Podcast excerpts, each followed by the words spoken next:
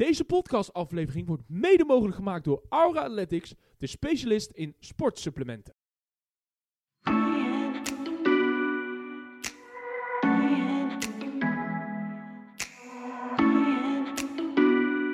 Beste luisteraars van SC Time welkom bij de tiende aflevering. De tiende aflevering alweer van seizoen 2. En we zitten hier zonder Aaron, want Aaron heeft het druk. Aaron moest werken. Helaas. Aaron moest werken. Ja, overwerken toch? Overwerken, ja. Plek, jongens. Werk blijft werk, toch? Werk blijft werk? Ja. Oké.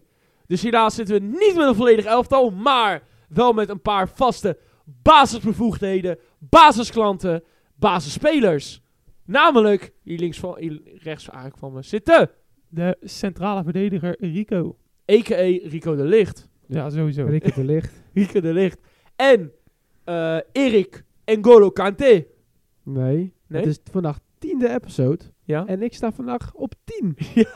En wie ben jij? Wie ben jij dan? Ik ben Cam. Oh, jij bent Cam. Ik ben een centrale aanvallende middenvelder. Szymanski. Erik Szymanski. Szymanski. Nice. Ja. Nice. Want die doet heel goed bij Venabatje. Ja. overigens, hè. Lekker bezig, heren. Van- En ah, wie ben jij dan?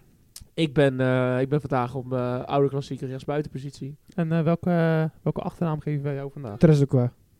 Tres, Tres ik, hè? Dat vind ik Maar heel dat was meer een spits, hè? Dat was Ja, meer een maar spits. Joey is altijd wisselvallig. Dus. Het bankje was wel Ah, altijd hij, wel... hij was wel net zo snel als Trezeguet. ja, sowieso. Nice. Dank je, Nice. Voor, de, dank je voor de compliment.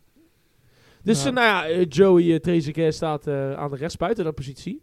dus jongens, er is veel gebeurd. Laten we ten eerste wel nog maar even beginnen met alle geluk van de wereld. Of nou ja, gelukkig dat Bas Dost in ieder geval eh, nog leeft. Want die had een ontstoken hartspier als ik uiteindelijk. Ik- Zo.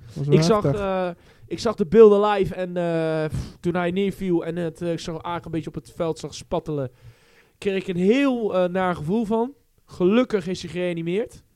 En hetzelfde ook eigenlijk met die PSV-supporters die ook een hartaanval had in het stadion.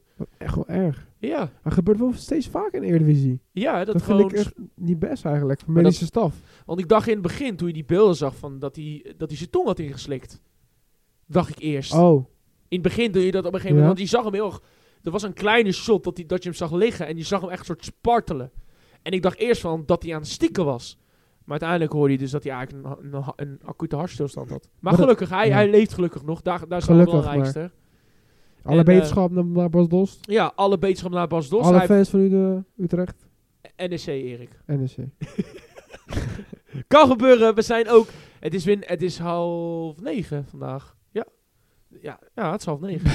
het is een beetje laat, maar... Moet het natuurlijk goed opnemen eh, natuurlijk. Maar inderdaad, eh, hij heeft wel gezegd dat hij eh, een tijdje even zich gaat terugtrekken van het voetbal.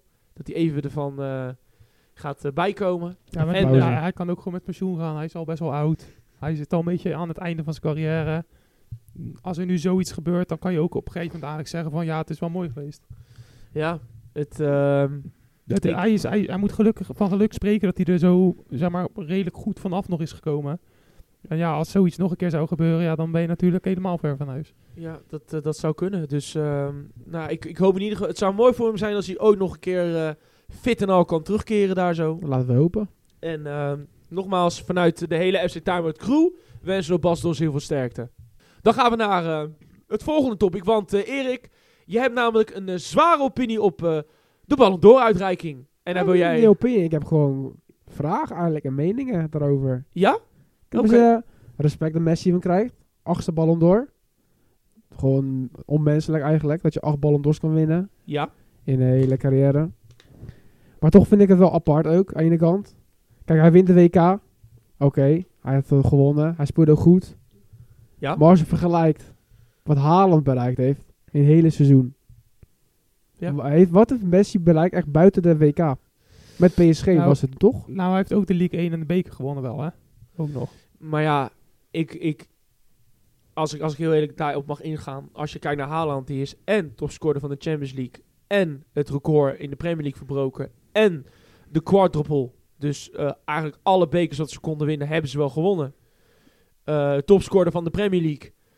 Die man heeft een geweldig seizoen gedraaid Ja, vorig jaar. Zeker. Maar waar was hij bij bijvoorbeeld de momenten dat hij daar ook echt moest staan, zoals bijvoorbeeld in de halve finale en de finale van de Champions League? Nou ja, Toen was hij toch redelijk onzichtbaar.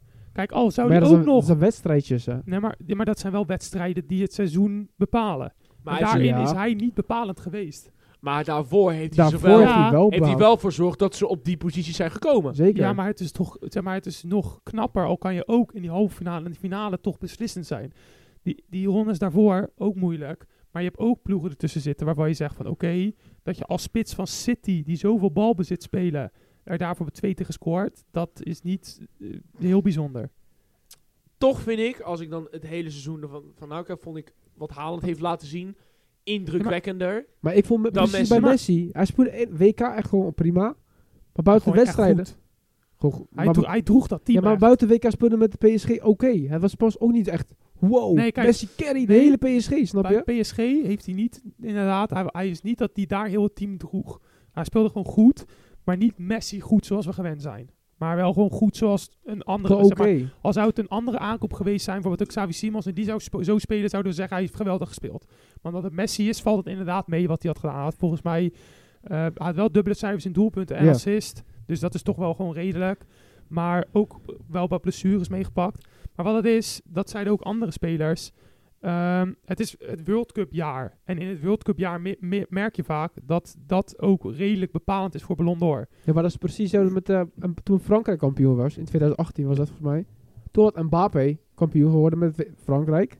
Maar hij kreeg geen ballon door. Ja, maar Modric... En hij speelde ook geweldige se- toernooi natuurlijk. Ja, maar Modric die had hem wel weer, weer wel gekregen. Omdat hij, hij was niet eens kampioen. Omdat hij Champions League won. Nee, maar mede ook omdat hij een verre run had met het WK. Hij had toen de halve finale van het WK ja, gehaald. heeft ze wel naar de, geholpen en de mede da- grotendeels daardoor... Anders, als hij niet zo ver op het WK was gekomen, had Modric nooit de Ballon d'Or gehad. Durf ik te wedden. Dus het WK nemen Ja. ze heel zwaar mee. En kijk, het is, Messi heeft buiten het WK om ook gewoon een redelijk seizoen gedaan. En hij heeft heel het team gedragen. Maar vinden jullie dan ook dat bijvoorbeeld een Haaland echt City draagt? Ik vind dat niet. Maar ik Vorig niet, jaar wel. waarbij kijken ze nou echt Ballon d'Or prijzen naartoe? Naar goals, naar prijzen, naar alles. Maar naar alles. prijzen is heel belangrijk. En World Cup staat dan denk ik op één. Qua prijzen, dan dat- is Julian Alvarez de beste. Ja, hij maar vond, het is niet... Treble en de- ze, kijken naar alles. Want kijk, Alvarez die heeft niet alles gespeeld. Lang niet alles gespeeld. ja, ze alles kijken- gewonnen Ja, maar ze kijken ook naar hoe bepalend jij bent in je team. En kijk, zonder Messi had Argentinië gewoon niet het WK gewonnen, klaar. Zonder Martinez ook niet. Zonder de spits, Martinez. Nee, ik bedoel de keeper. Ja, zonder die Voor keeper oh, nee, Argentinië. ook niet. Maar de- hij heeft toch ook de Yashin trofee. Ja, maar dat vond ik ook bizar. Want- Ja, maar hij, dat- hij stond op 13e ranglijst en Bonu staat op 12e. Ja, ja, dat, dat, maar hij krijgt alsnog de jasje maar dat, dat komt dus puur omdat ze het WK zo hoog meerekenen. En dat je zegt, net zoals bij Messi, dat ze dan dat, W- die WK-prestatie. Want op het WK was hij wel een bizarre keeper, toch? Dat wel. Daar keepte dat hij echt zeker. bizar goed. En, Ja. en voor de rest was hij Voor wel de rest matig. was het niks. Was hij gewoon een, gewoon een decent Premier League keeper. Ja. Toch vind ik het apart dat eh, de, het World Cup daarin heel erg in wordt meegenomen. Want als je kijkt naar het hele WK natuurlijk, Messi was goed. Maar Messi heeft Ja. wel het, het hele Argentinië-team heeft wel gespeeld in momentum om Messi op zijn allerkrachtigste te laten spelen. Alles draaide wel Messi. Maar dat is bij City toch ook voor Haaland? Valt reuze mee. Er valt Nou, reuze mee hoor. Haaland hoeft alleen te staan op de positie. Ja. Hij krijgt wel de ballen, maar Ja, maar ze spelen wel anders omdat ze Haaland hebben. Dat merkt u toch ook in het Ik eerste vond seizoen? vooral belangrijk, dat was Rodri was heel belangrijk van het team. De Bruyne, Ja, dus ik bedoel ook... Grealish ja, had echt geweldig seizoen. Gundogan, Ha- Gundogan. maar Gundogan, ja, nou, precies. Nee, maar kijk, bij Argentinië is het toch... Aanvallend was het eigenlijk vooral Messi die alles leverde. Die Maria ook. En ja, die Maria ook wel, maar zeg maar, Messi was wel ver en weg de be- beste. Mhm. Bij City merk jij niet, zeg maar, ik vond Haaland heel, tuurlijk was hij heel belangrijk voor het seizoen. Maar de Bruyne was ook echt niet, zeg maar, onmisbaar.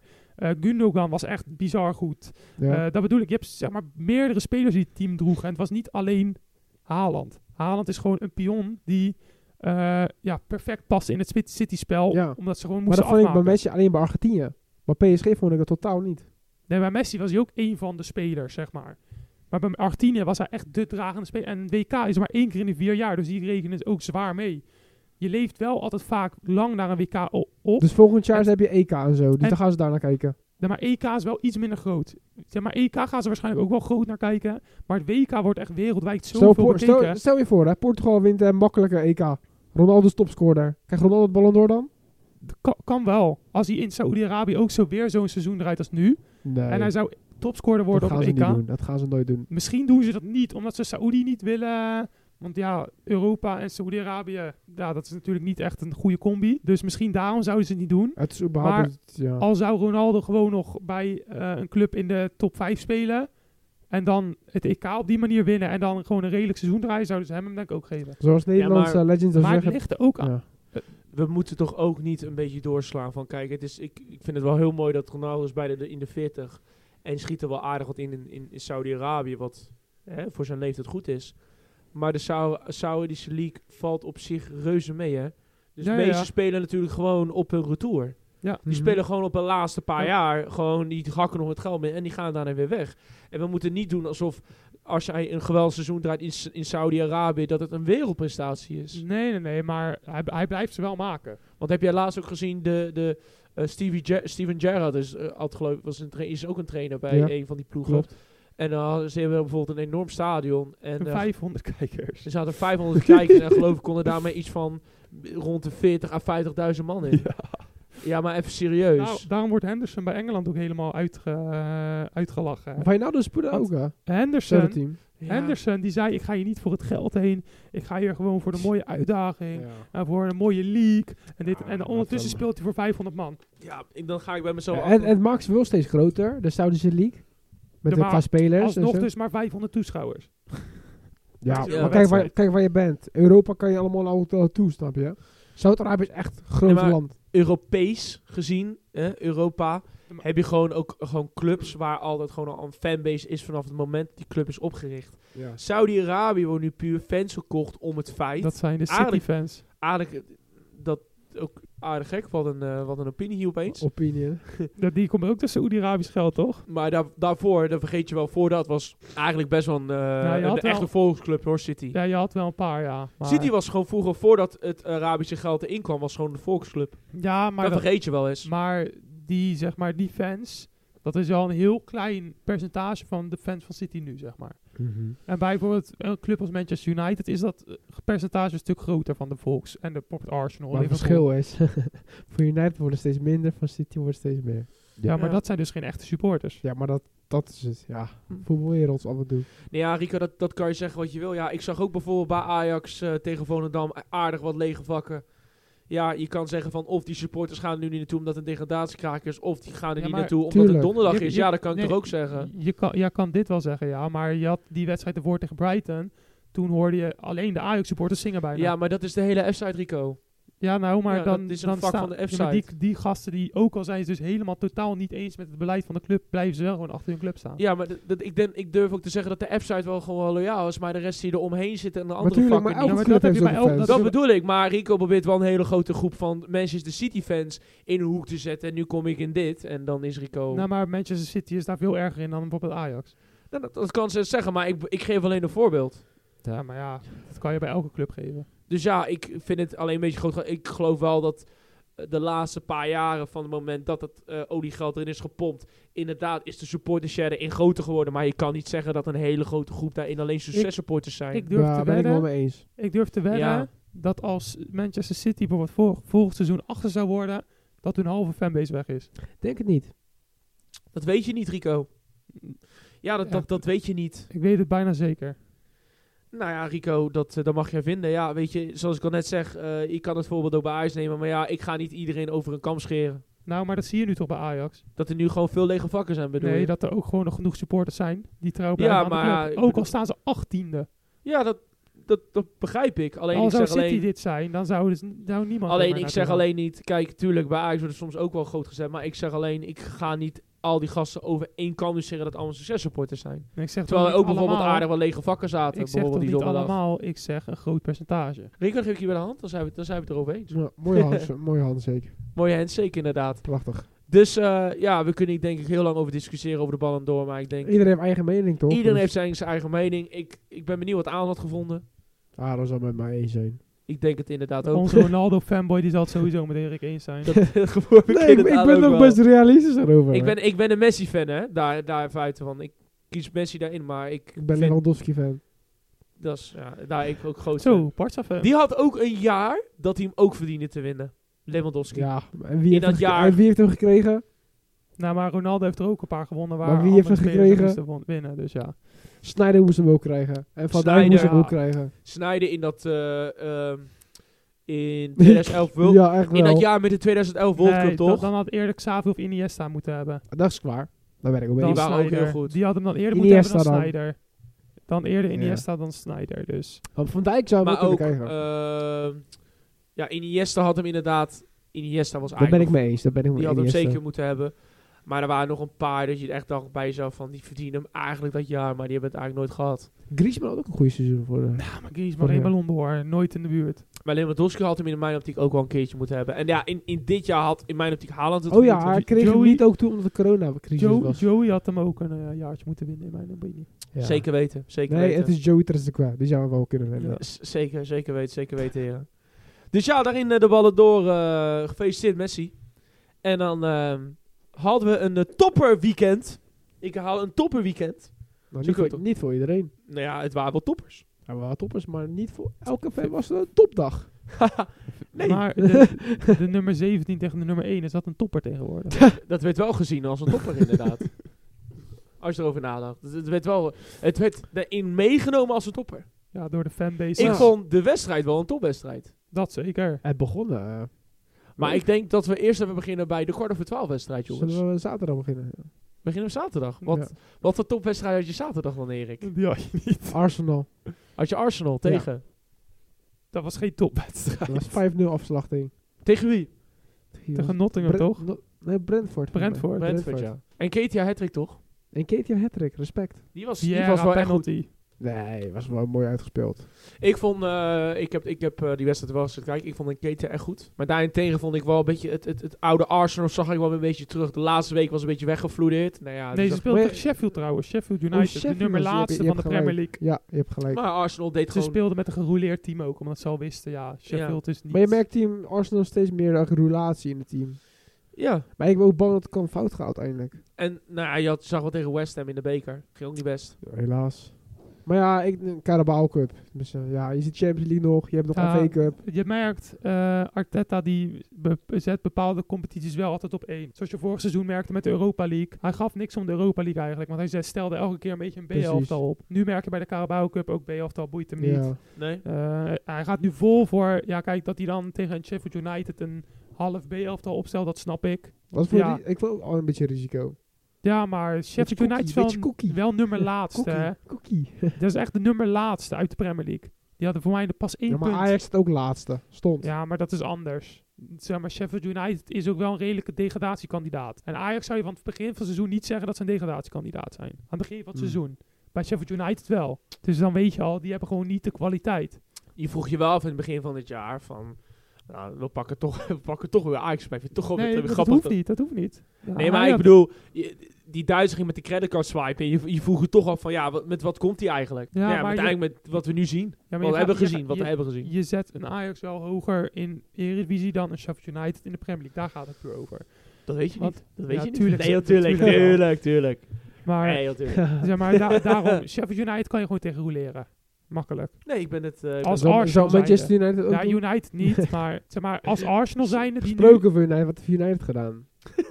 Nou, we zouden het toch eerst over Feyenoord hebben. Oké, laten we Ah ja, laten we het eerst over Feyenoord Ja, hebben, jongens. Want ehm, we kunnen toch wel concluderen in die wedstrijd. Eh, Ik zei je vorige week al van... ehm Feyenoord moet... eh, hè, we waren heel goed in relatie, maar Feyenoord moet nu ook de grote jongen zijn. En daarin ook in Enschede het eh, zich aan En, laten en tonen. Joey ging er met volle vertrouwen in. 3-1 voorspeld. Ik, had, ik zei 1-3. Ik zei inderdaad 1-3 Zo, dat Aaron vol vertrouwen. ook. En eh, Twente, die, eh, die had het tactisch gewoon heel goed voor elkaar. En ging één, wist donders goed hoe ze gingen doen. Twee, ging er veel feller op dan Feyenoord. Waar ging het vooral fout bij Feyenoord? Ik dacht Middenveld of verdediging? het begint al met felheid. Hoe jij de wedstrijd begint. Maar dan weet- Feyenoord juist die fel uit toch, in de Ik, wedstrijd. ja, ik, ik weet niet wat het is. Misschien was het, ou- lag het ook aan de tijd. Lag het misschien ook wel... eh, eh, Lazio. Dus dat ja, ze daar al maar heel ik, veel... vond, ik, vind- ja, maar ik vind het dan wel van... Je moet het wel... Je kan toch wel twee wedstrijden in de week spelen. Eén. En ten tweede... Het is gewoon een felle wedstrijd. Daar moet je gewoon 100% Ja, gefocust op zijn. Maar voor Lazio moeten ze wel 110% geven. En bijvoorbeeld ja, als je in de Europa League zat vroeger in de groepsfase en je speelt tegen een Sparta ik ben het Praag, wel mee eens. dan hoef je dan geen 110% te geven. Ja, maar dat heeft aan de andere kant moet je, ben je zo prof mogelijk. En, en slot zou zijn spelers zo veel mogelijk moeten krijgen. om daarin gewoon in zo'n wedstrijd zo fit genoeg te kunnen spelen.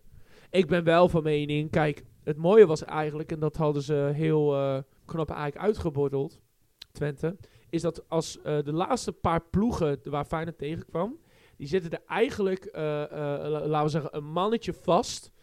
Ehm, een mannetje op mannetje op de cv's wanneer Feyenoord ging opbouwen. Dus dan, hè, dan kreeg Feyenoord vaak een, een man minder situatie. Nou, wat Twente eigenlijk deed, is Twente die zette Feyenoord onwijs hoog druk, maar ze zetten zo hoog druk dat er dus Flap op de rechtsback zat, de nummer 10 en eh Ugalde, dus Stijn en Ja. Ugalde zetten op de twee cv's. En Rot zat op, eh, eh, zat op Hartman. Zo Maar- is ook tegen Ajax ook volgens mij. Dus wat, ze, wat zij deden, is zij zetten heel brutaal eigenlijk iedereen één op één. En wat ze ook deden op het middenveld, is ieder kreeg een koppeltje. Dus luister Stijn, jij gaat de hele wedstrijd op zijn rookie focussen. Salendijk de hele tijd op Wiever.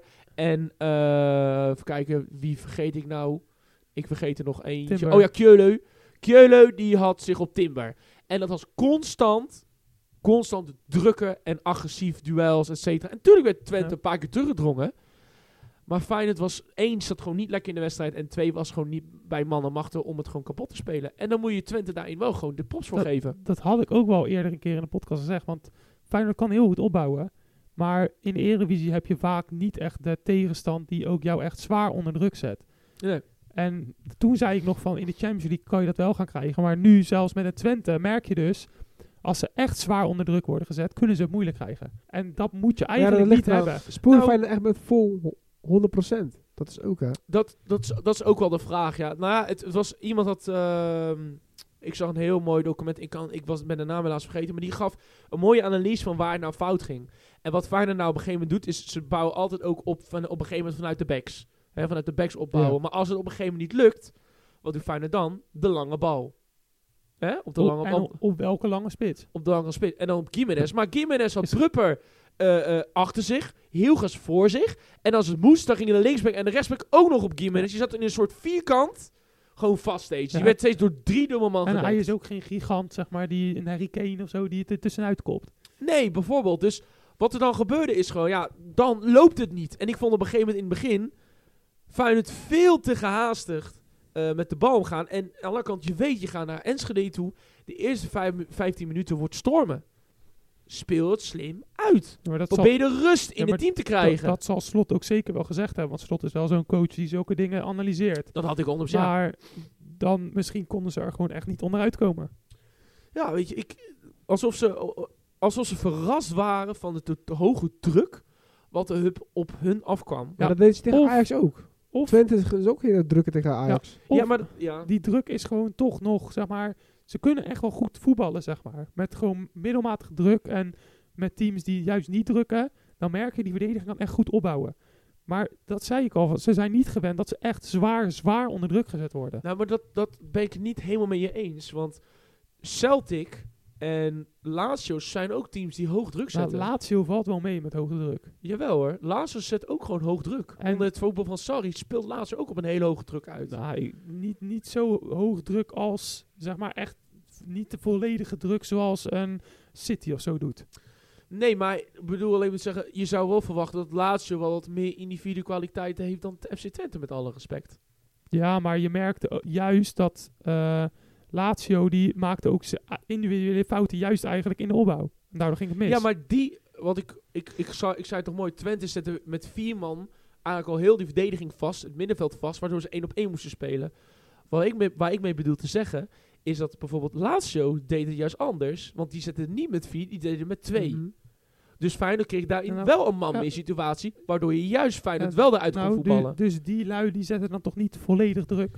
Het ding is dat Lazio, maar ook al die andere teams deden precies hetzelfde. PSV daarentegen in de Johan Cruijff reden deed eigenlijk hetzelfde wat Twente deed. En toen is het al twee keer fout gegaan. Dus dat is het ding wat ik wel eh, eh, eigenlijk verrassend vond. Want Twente deed eigenlijk op een manier wat PSV eigenlijk ook deed. Maar de oplossing ligt eigenlijk wel veel dichter, wel dichterbij dan je eigenlijk denkt. Dus kortom, je moet op een gegeven moment een mannetje meer situatie gaan creëren. Dus er moet veel meer beweging gaan komen.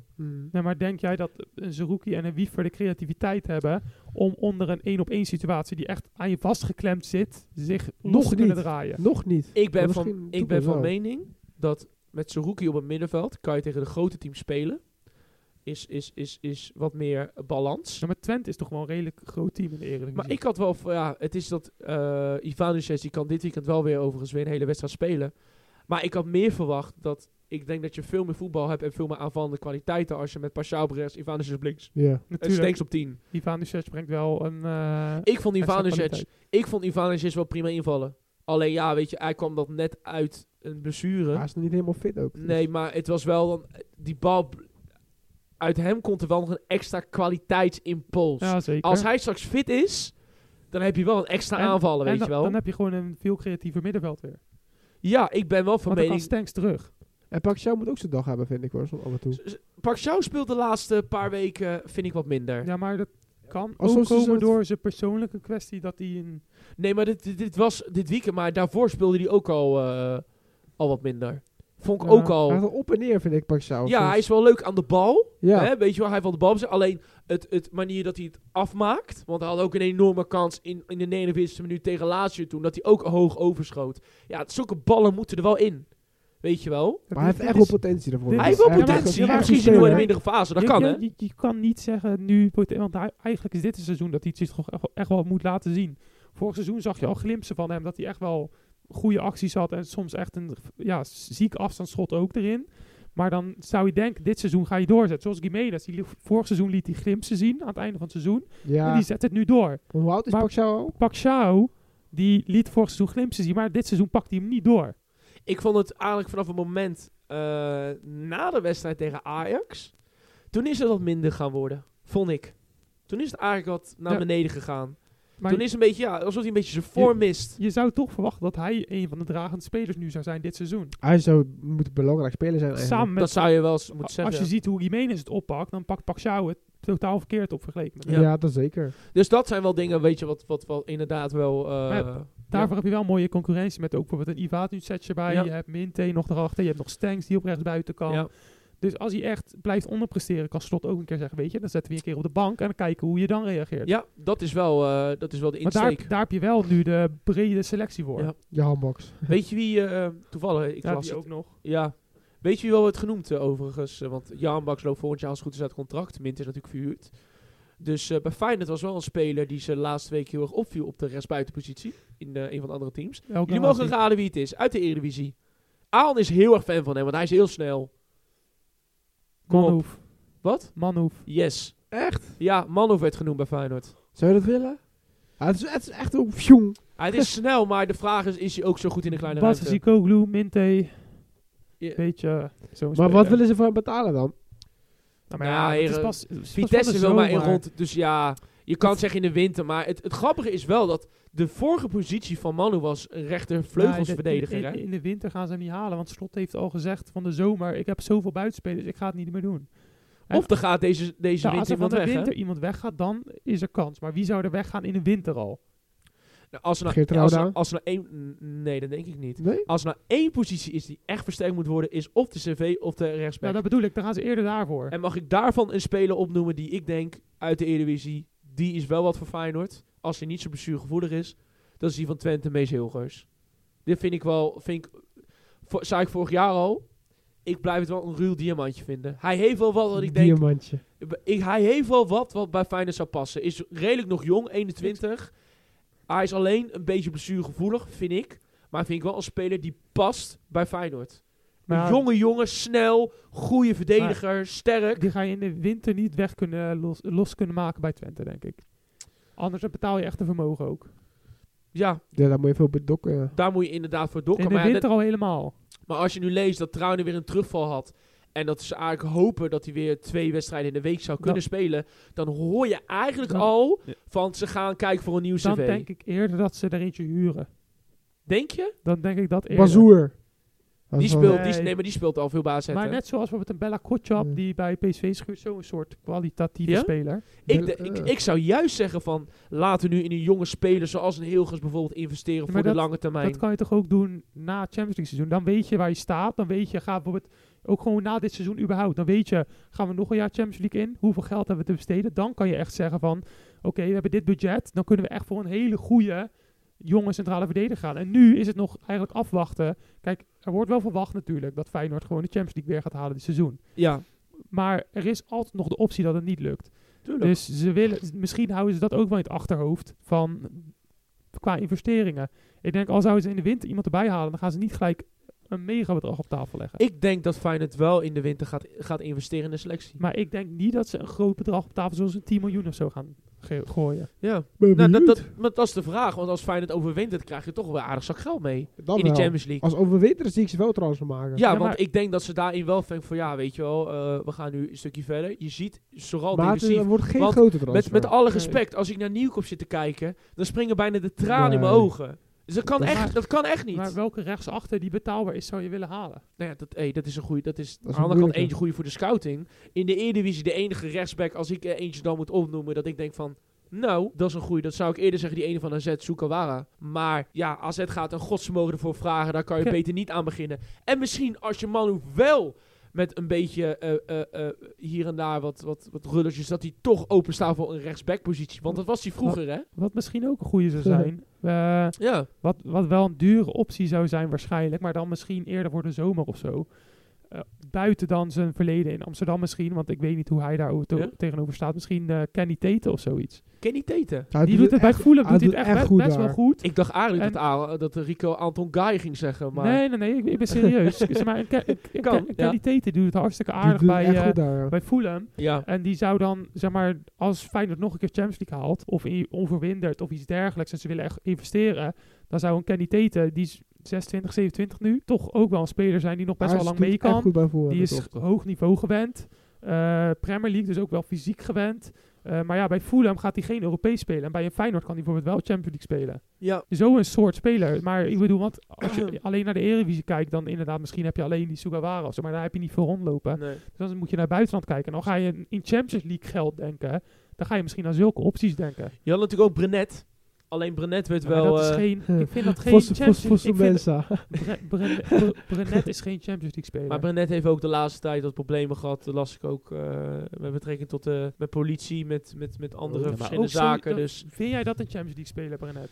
Nee, toch? Nee, maar die, het is wel een speler dat ik wel passen vond in het spel. Hij had, hij had valt weg wat Masrowi bij Ajax toen had. Had daar heel veel van weg. Ja, maar hij in dat is, jaar toen onder Jans, hè, vorig jaar. Maar, maar hij is niet van dat niveau. Nee, niet Champions League niveau, nee. Maar En altijd wel, was dat wel. altijd wel nog beter dan Nieuwkoop. Wel beter dan Ja, ze Nieuwkoop. moeten gewoon wat scouten. Maar joh. als je echt-. Dat zou je wel als je- zeggen, ja. Als je echt Champions League geld hebt, ga je niet voor een Brenet, vind ik. Heeft hij Feyenoord nog geen jeugd of zo? Dat ze door kunnen Nee, maar, Er is wel een, een, een jonge rechtsback die is deze week mee gaan trainen. Ja, Eh maar Givano Riet uit de onder 21. het moeilijke bij de Feyenoord jeugd is wel... Het is zo'n grote stap omhoog naar Feyenoord 1 vanaf Ja, jong Feyenoord. Dus Zeker. die hebben echt wel flink de tijd nodig gaan om we zich aan te passen. Feyenoord ooit naar de keukenkampioen? Daar zit, eh, daar zit wel meerdere jaren in. Want als, dan, dan moet er nu een jong team uit de tweede divisie degraderen. Dan, en dan moet Feyenoord promoveren. Dan worden ze de tweede divisie. Nou, als Feyenoord bijvoorbeeld in de tweede divisie kampioen wordt, dan moet er uit eentje uit de eerste divisie weer degraderen. Dus daar zit een beetje het hele haak en ogen. Daarom heeft Feyenoord nu ook bijna de helft van de onder 21 van vorig jaar verhuurd nu aan Dordrecht. En is Dordrecht een soort at- eh, satellietclub geworden. ja. Maar Dordrecht doet het nu supergoed, hè? Dat vergeten we wel even. Dat Die doet het echt goed. Maar Feyenoord heeft daarin ook gewoon geïnvesteerd in wat jonge kapitale spelers. Bijvoorbeeld in hele jonge eh, eh, Belgische, Marokkaanse jongen uit de eerste league van België. Doet het bij Dordrecht echt waanzinnig. Die mag soms bij Feyenoord ook zelfs meetrainen. En ze hadden ook een jonge transfervrij van Brighton gehaald. Die is 21, Tsa- Tsagoui, als ik het goed zeg. Die schijnt echt een van de beste cv's te zijn in de keukenkampioen Maar divisie, weet je- LCV. Weet je wat ik ook ooit gehoord heb? Daar komt het hoor, jongens. Hou je vast. Dat Tabouni ook een mega zieke aankoop was. Tabouni. Dat was ook echt een mega Zo, dat was echt... Ja, echt een van... ja, Ja, die was, De beste van AZ, nou, de beste van de jeugd. Tabouni was in dat jaar bij Jong AZ, had heel veel weg Ja, in mijn optiek van Ja, Iataren. maar kijk, dat bedoel ik. Zulke spelers in de keukenkampioen-divisie, die moeten het eerst nog even laten zien in de eredivisie. Zeker. Dat merk je ook vaak bij, bij spelers van de Ajax-jeugd. Sommige, dat zijn er wel echt talenten die er tussenuit schieten. Maar je hebt toch wel vaak ook dat je ziet van die spelers moeten wel echt even dit Mhm. niveau onder de knie krijgen. Oh, zeker. Want keukenkampioen is wel even een stukje lager dan de eredivisie. Oh ja, ja, ja. Maar ja, dat, ik ben wel... eh, ik, ik ben wel benieuwd met... Er komt wel niet de aankomende lichting, maar die lichting daarachter. Dat is wel een, een, een, een talentvolle lichting waar Feyenoord heel erg veel mee kan doen. Daar zit ook Van Persie in, hè. Shaquille van Persie, Sliti. Dat zijn best wel grote je moet- talenten. Je moet, ook nog geluk hebben, want dat is nog een lichting dus die er nog aan moet komen. Ja, Dat die niet worden weggesnoept door een Manchester City. Of door de jeugdopleiding van een Barcelona. Of door de jeugdopleiding van een Real. Want buitenlandse ploegen kijken ook nog wel eens naar de Nederlandse jeugd. zeker. Ja, zeker. Zeker weten. Ja, je wordt echt wel, de echt toptalenten worden soms wel gewoon weggesnoept naar het buitenland. Maar terug te komen dan op Feyenoord. Kortom, rechtsbuiten zie ik misschien in de winter nog niet snel gebeuren. Er werd wel al gelinkt, misschien van Feyenoord voor een CM. Een CM-positie. Iemand achter Tim. Want eigenlijk achter Timber, je hebt wel zo'n rookie, maar dat is niet een Nou, 8. niemand echt als acht. Nee, als een 8. maar ik ben wel van mening, of een CV erbij, of je haalt een nieuwe rechtsback en je zet Geert CV. Maar jij je moet wel wat daar gaan halen. Maar kijk, je, je kan nu wel naar de selectie gaan kijken. Maar als je ziet dat je bijvoorbeeld zo tegen Lazio presteert en dan daarna zo tegen Twente, dan zeg je ook van, als je ziet hoe ze tegen Lazio presteren, dan is je selectie op zich goed genoeg. Jawel, Bepaalde niveaus te halen. zeker. Al- Dan ligt het wordt, ook wat aan de mentaliteit of gewoon de, de, de felheid of, of, of eh, mo- motivatie misschien. Ja, nou, het slot, slot was ook heel erg teleurgesteld met het feit van hoe de selectie gewoon heeft gespeeld. Hij had ook een paar dagen van nodig om echt van, van ja, om het te verwerken. Want hij zegt van ja, weet je, ze hebben me echt teleurgesteld met het feit van hoe zij het veld op kwamen. En nu komend weekend, ja, je krijgt RKC. Eh, dat moet in mijn optiek ja, geen probleem worden. Nou, heel Want. Ivanovic is terug. Ah, Ik denk dat de aanvallende variant met Stenks op team, met Pascal op rechts, met Ivanovic en Gimenez Uit of thuis? zullen spelen uit. Uit en RKC. jullie Kwart voor zeven. En jullie spelen natuurlijk 12 tegen 10, want de Kroketman die is ook voor Feyenoord. Ja, ja, ja, ja, ja, ja, ja. Dus die, ga, die heeft nog nooit gescoord tegen Feyenoord, hè? Was een. Zou wat zijn als je scoort. Dus ja, Nou, zou je weer zien dat Kramer dan nu wel scoort. Ik, ik, zal, ik zal zien dat eh Feyenoord 1-1 staat en in de 90ste minuut dan kopt eh, Kramer een corner in zijn eigen goal. Ja? Ja, zoiets zie ik eerder gebeuren. Dan vind ik het wel een Kramer held. scoort weer vaak tegen Ajax. Want hij heeft niet zoveel met Ajax. Hmm. Nou, dat steekt hij ook niet onder stoelen of Nee, banken. maar goed, dan heb je zelden met Schöne heeft ook bijvoorbeeld weer helemaal niks met Feyenoord. Maar ja, bijvoorbeeld, kan je ook zeggen, ja. Sch- Schöne is wel, zeg maar, voor Ajax, die heeft wel best wel wat jaren gespeeld. En Kramer is eigenlijk bij Feyenoord nooit echt geslaagd. Nee, heeft twee of drie jaar, drie hij jaar gespeeld. Nooit. Hij heeft nooit echt hij geslaagd. heeft nooit echt Nee. een, stempel gezet op Fey- bij zijn carrière bij Feyenoord. Nou, hij hij is, wel, hij is wel mooi kampioen geworden, dat kan je altijd natuurlijk zeggen. Maar ik ben wel van geen mening... te- dragende speler. Nooit Nee, echt een nee. dragende speler geweest. Nooit. Nee, nee, nee, nee, nee. Dus ja, jongens. ehm, maar Nou. wat, waar eigenlijk, de punt waar ik eigenlijk op wil komen is... aankomende dinsdag wordt gewoon heel, heel belangrijk. Ja, als je het voor elkaar krijgt om te winnen in Rome... ben je als zo goed als door in Europa. Ja, maar ga je dan tegen RKC wel je volledige basis zelf ook spelen? Ja, dat gaat hij wel doen. Ja. Hij gaat Ja? niet met... Jawel. Maar, Ook voor ritme. En ik denk dat hij op, dit, op deze selectie wel voor ga- verder gaat beduren. Maar- ik denk persoonlijk dat hij... Ik denk niet dat hij Zerouki Maar- tegen Lazio erbij gaat zetten. wie hebben ze na Lazio? Ja, dan komt het mooie. AZ thuis. Dus denk jij, ik ga dus nu al eigenlijk zeggen, ik denk omdat je het nu hebt gezien met Lazio, Twente en die andere wedstrijd, dat ze dan punten laten liggen, denk ik dat ze met die komende drie wedstrijden, heb je RKC, Lazio, AZ, denk ik ook dat ze in één van die drie wedstrijden niet de volledige drie punten gaan pakken. Gewoon omdat het weer zo'n zwaar stel voor schema als het een gelijkspel wordt of zo. Gaan ze dan geen dip Je kan wel zeggen dat AZ speelt natuurlijk eh, op donderdag. En die moeten uit naar Aston Villa. En die hebben natuurlijk ook niet een hele makkelijke pot. En Nee, Feyenoord dat- heeft twee dagen meer rust daarin tegen. Ja, maar... Dat, vind ik, dat vind ik toch wel... Ja, maar van, van Feyenoord wordt, staat wel de druk er hoog op. Die moeten winnen. En AZ ja, moet voor de punten wel winnen. Maar zeg maar, als ze verliezen is het geen schande. nee. En voor Feyenoord, die gaat, denk ik dat ze zelf wel, als ze verliezen, dat ze denken, we hebben al gewonnen. Dit is wel een redelijke schande nu. Ik denk dat voor Feyenoord Dat zou wel alle drie de potten worden onwijs belangrijk. Ja, Het slot zou ik, dit is eigenlijk de laatste week dat Feyenoord nu even nog wat rust heeft. Een hele, een hele week hebben kunnen trainen. Want de komende weken zijn nu alleen maar vol. het, het is ook voor Feyenoord is het echt de pot waar je de punten moet pakken. En voor AZ is eigenlijk meer nog de pot tegen Legia en tegen eh, die andere ploeg. Dat zijn toch echt de potten die hun daar punten moeten pakken. Ja, Van Aston Villa kan je van tevoren al eigenlijk verwachten, want daar ga je misschien geen punten kunnen pakken. ja dat is de Oh, vraag. ben benieuwd. Ben benieuwd. En dat Feyenoord Lazio is toch wel een ploeg waar je ook gewoon punten mag pakken. Ja. Dus, en dat heb je al laten zien natuurlijk. ja, ik denk dat Feyenoord voor minimaal gelijkspel gaat. Maar het zou mooi zijn als Feyenoord daar in ieder geval de overwinning mee maar kan maar jij nemen. denkt wel dat ze alle negen punten gaan pakken deze week. Zo. Ja. Ja, dat Ja, denk ik wel. Ook na de blamage tegen Twente, zeg maar. O- ook in zo'n drukke Heel week. veel analisten zeiden dat ze zagen al- als een in- incident. En ik moet persoonlijk ook wel zeggen, ik, ben, ik was teleurgesteld in ze.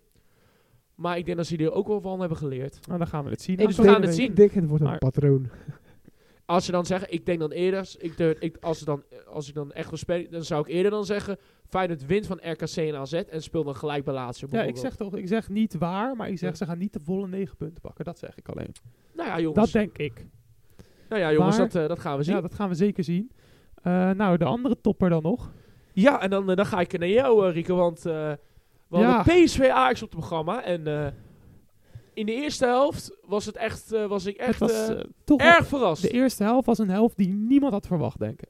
nee, Nee. denk- Dat de meeste analisten ook en de meeste voetbalkenners die zeiden eigenlijk allemaal ja PSV die gaat er gewoon overheen walzen. Dit Ja. Ajax is veel te zwak en er kan helemaal niks. Nou dat, eh, dat wordt een afslachting. Ja.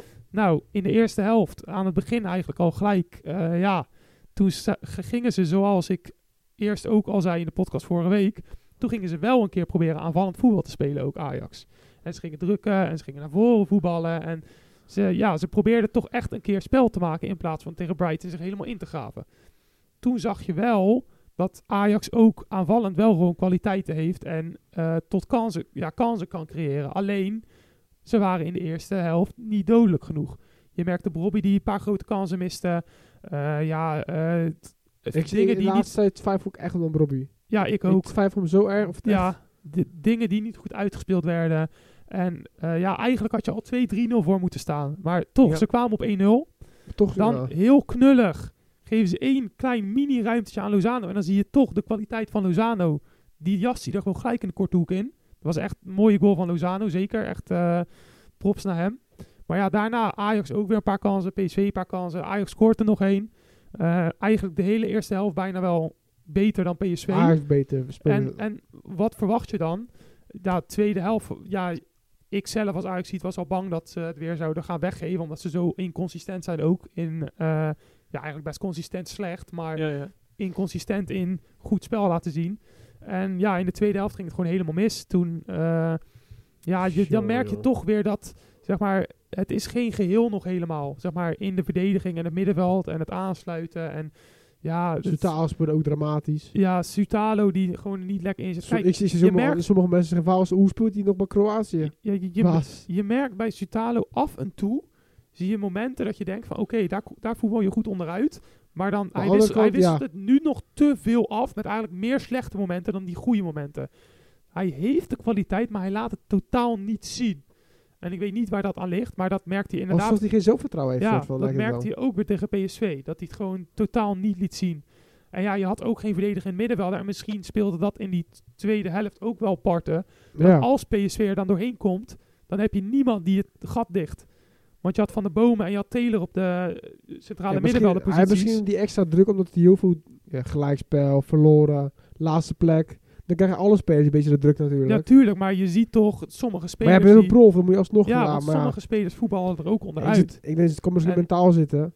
En ja, Want kwaliteit heeft hij wel, maar waarom doet hij anders dan niet? ja, Toch? Ja, dat is, eh, hij moet inderdaad, hij moet gewoon opstaan als ook grote aankoop van de club. In zulke momenten en zulke wedstrijden, dan moet je je eigenlijk juist kunnen herpakken en Ja, laten precies. zien van hier ben ik. Ja, ehm, ik ben wel van mening dat Bos zei wel eigenlijk in de laatste plaats nog van eh, hij heeft natuurlijk in de tweede helft gooide hij eigenlijk zijn opstelling om naar van plaats een 6-18 naar eh 6 en 2 tienen. Met twee lopende tienen, hè, met Sabari en met Til. Nou ja, die ging op een gegeven moment zoveel deep runs maken hè, vanuit de zijkant, eh, vanuit het midden, vanuit de middenrif. Nou, dan speelde natuurlijk alles Ja, helemaal kapot natuurlijk. Daar is de verdediging niet goed genoeg voor Nee, en ook wat je zegt, er was geen CVM. Ja, Hè? Dus waarin hebben ze, daar hebben ze gewoon eh, de fout in gemaakt.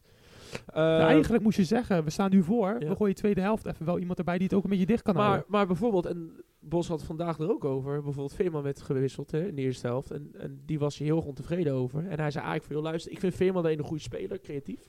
Alleen, Veerman moet soms eh, eh, eh, wat meer gefocust op het spel in plaats van de randzaken. Dan is bijvoorbeeld een, een vrije trap en dan staat hij iets met 2, 3 seconden met zijn handen in, in, in, in, de lucht van ja, hey, is wat.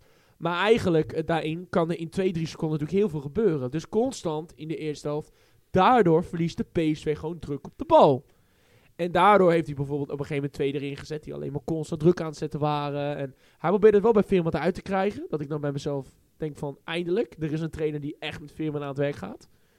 Maar, ja, ik, ik, het was jammer. Maar aan de andere kant dacht ik van, ja, maar Duro, je zag ook wel een beetje aankomen dat PSV ging wisselen, Ja, toch? Ik, ik snap ook niet dat Bos eigenlijk niet zo begon. Want hij weet al bijvoorbeeld, dat merkt u dus aan die tweede helftwissels. Je weet, de verdediging van Ajax, die kan op dit moment gewoon eh, met nul vertrouwen bouwen ze op. Alleen Hato, Ik denk dat je het... PSV heeft veel moeite met diepruns van middenvelders en Ja. spitsen. Dus als de spelers constant diep gaan zonder bal... dan hebben ze moeite om door te schakelen. Dus dan heeft Van der Bomen moeite om... oké, moet ik nou of met Theo mee... of moet ik met Sabari mee? En dan had ook Taylor bijvoorbeeld. Mhm, Want nee, Taylor vind ik eigenlijk heel soms Ook- zonder bal een lui Ook- voetballer. Nee, maar, ja, nou, Taylor is juist iemand die heel veel rent, vind ik hoor. Nou, ik vind het eigenlijk reuze Ah, hij- meevallen. Want Theo was hij Nou, compleet kwijt toen. Hij maakt echt wel veel meters, Taylor. Die, ik vind Ja, Taylor juist veel meters maken. Van de Bomen is dan eer, die kan het gewoon niet belopen. nee, maar is daar hadden, snel. daar hadden we toch aan het begin van zijn... Ja, ja, ja maar daarom, ook over. dan als je van de bomen speelt, dan moet je daarnaast eigenlijk iemand zetten die het lopende werk ook kan doen, veel. Dus eigenlijk bijvoorbeeld een Alvarez vroeger was perfect geweest, maar nu wordt een eh, Vos, want een Vos die rent zich dood. Eh, een Tahirovic als hij een beetje in vorm is of iets dergelijks. Maar ja, ook de verdediging bij Ajax bouwt ook niet heel lekker op gewoon. Nee. Dus zeg maar met die druk en ook die tienen gewoon die, die ruimte pakken en eh, extra inlopen waardoor het verdediging het nog moeilijker krijgt. Dat wist Bos van tevoren misschien ook wel. Misschien had hij zo al zo moeten beginnen. Want Ja. dat is toch het zwakke punt van Ajax. Kijk, de aanval van Ajax is kwalitatief gezien en ook in de wedstrijden dat ik af en toe aanvallend spel zie van Ajax. De aanval is niet het zwakke punt. Zeker niet. Zeg maar, je, je hebt wel spelers die wat minder in vorm zijn, maar de kwaliteit ligt daar zeker. Maar bij de verdediging en het middenveld moet je dat... mist gewoon die de- de- Vooral dat. het middenveld en de, verde- en de verdediging moet je nog gewoon zien van of die nou echt die kwaliteit hebben. Kijk, Hato heeft die kwaliteit, dat weten we. Maar een Sosa, een Sutalo, een Guy, Guy. een Rensch, een, een, een Taylor, een Van der Bomen. Zijn dat nou echt die spelers die wat kunnen? Ja, op dit moment zijn dat toch de zwakke schakels van Ajax. Die, die linies. Ja, ik, Dus- ben, ik ben wel van mening, want hè, we gaan straks ook over Volendam praten, maar ook tegen Volendam was de ene met de meeste onrust was toch wel weer Sutalo, vond ik. Ja, hij, hij, hij kan zijn draai gewoon totaal niet vinden. Want heel veel zeggen, al, hij was een hele goede speler. Hij speelde bij Kroatië, bij Dynamo Kiev en... Of hoe heet die Dynamo? Ja, eh, Zagreb. Dynamo Zagreb. Zagreb. Ja, Eh, speelde die echt heel goed. Maar eh, opeens kan die er gewoon helemaal niks meer van. En eh, dit kan een dip zijn door de extra druk. Want het, er ligt natuurlijk wel een stuk meer druk bij een Ajax dan bij een Zagreb. Maar ja, als je echt zo'n goede speler bent, dan moet je daar ook wel tegen kunnen. zeker. Ik ben, daarom ben ik op, eh, op dat aspect ben ik toch wel heel erg interessant, ben ik wel geïnteresseerd met, ik heb de, wel het verschil natuurlijk gezien van aankomende zondag en van gisteren, hè, met eh, tegen Volendam. Ehm, ik vond wel dat er wat meer lijn in het spel was. Als we nu toch de overlap maken. Buiten Nee, ik wil nog één dingetje Oh, zeggen ja, over ja. PSV. Wel, wat, wat ik wel heel knap vind aan PSV. Zeg maar, ze missen nu lang. Die is er voor een langere periode uit. En eh, bijvoorbeeld een Lozano, die pikt het wel heel mooi op nu van lang. Die laat toch wel zien dat dat is toch wel echt een topaankoop geweest, ook van PSV, om die terug te halen. Mag ik wel zeggen dat Ajax wel heeft laten zien, dat ben ik eigenlijk nog helemaal vergeten te zeggen, het pijnpunt om PSV pijn te doen. Want Ramaljo is echt de allerzwakste schakel van het hele Ja, elftal. zeker, maar, maar die speelt Heel ook. zwak. Maar normaliter, als iedereen fit bij PSV, dan speelt Ramaljo ook niet. Nee, Dus laten we zeggen, ze komen weer in de topper en dan is Ramaljo, die speelt dan niet. Dan, wat hebben ze dan voor zwakke punt? dan, moet het, dan, dan, moet je heeft, zoeken. dan heeft het ook wel mee te maken, denk ik. eh, of Dan het- zijn ze wel een stuk sterker, toch? PSV. Ja, maar dan Zonder Ramaljo. zeker. Ja, dat sowieso. Maar wat Bos ook zei, als, ze, als PSV niet genoeg, goed genoeg druk op de bal heeft, dan gaan ze heel veel moeite hebben om, eh bij wijze van spreken, van teams te winnen. Want dan zie je, dan kan Ajax echt in zeven Ja, ruimte komen. En ik ben benieuwd of dat andere teams het Dat- ook kan maar lukken. dat is het bosvoetbal natuurlijk, kamikaze gewoon. Als, als jij dat, dat druk zet en niet werkt, dan zeg je veel ruimtes weg. En dat Maar dan zie je die ook teams niet doen op. tegen PSV. Nee, dus Dat, dat, Maar- ja. we hebben het ook over de volgende topper die eraan komt Ja. dan bijvoorbeeld. Als er is eh, ook is dat team? Ehm, hun moeten nog best wel wat... eh, PSV krijgt eind november Twente PSV en daarnaast Feyenoord PSV. ja, dat zijn pas de echte... dus Ja, kijk, eh, ik begrijp dat hè, er is nu een zeven punten eh, verschil tussen PSV en Feyenoord. Hè? En toch ben ik van mening, we kunnen nu wel zeggen van ja, zeven punten is veel. Maar Feyenoord heeft ook in die periode, toen in dat kampioensjaar, ook zeven punten gestaan. En Ajax kwam toen ook op een gegeven moment in, op één punt. Zeven punten kan binnen twee weken, zoals bijvoorbeeld in die twee toppers, ook zomaar eh, weer weg zijn. Ja, maar ze kunnen ook weer uitlopen juist. Dat kan ook. Dus, Alleen dus ja. ik, ik denk de komende twee maanden gaan gewoon bepalend zijn als we straks in de winterstop eigenlijk even de, het balans maken van, eh, van de winterstop, eh, van, van het midpunt. Dan pas kunnen we echt zeggen, eigenlijk van ja, wordt, wo- gaat PSV dit, dit verder trekken? Tot ik vind het nu nog te, te kort door de bocht. Tot nu, toe, nu, tot nu toe nog een 100% scoren. Dat Tot is, nu dat toe is 100% wel, scoren, dat is wel zeker. knap. Zeker voor PSV. Als je PSV in vroegere jaren zag ook puntjes verspelen tegen de mindere verliezen van Cambuur en zo. En dan nu toch, tot nu toe spelen ze echt wel heel goed voetbal. Twente, AZ ook. Spelen ook heel goed voetbal. Zeker.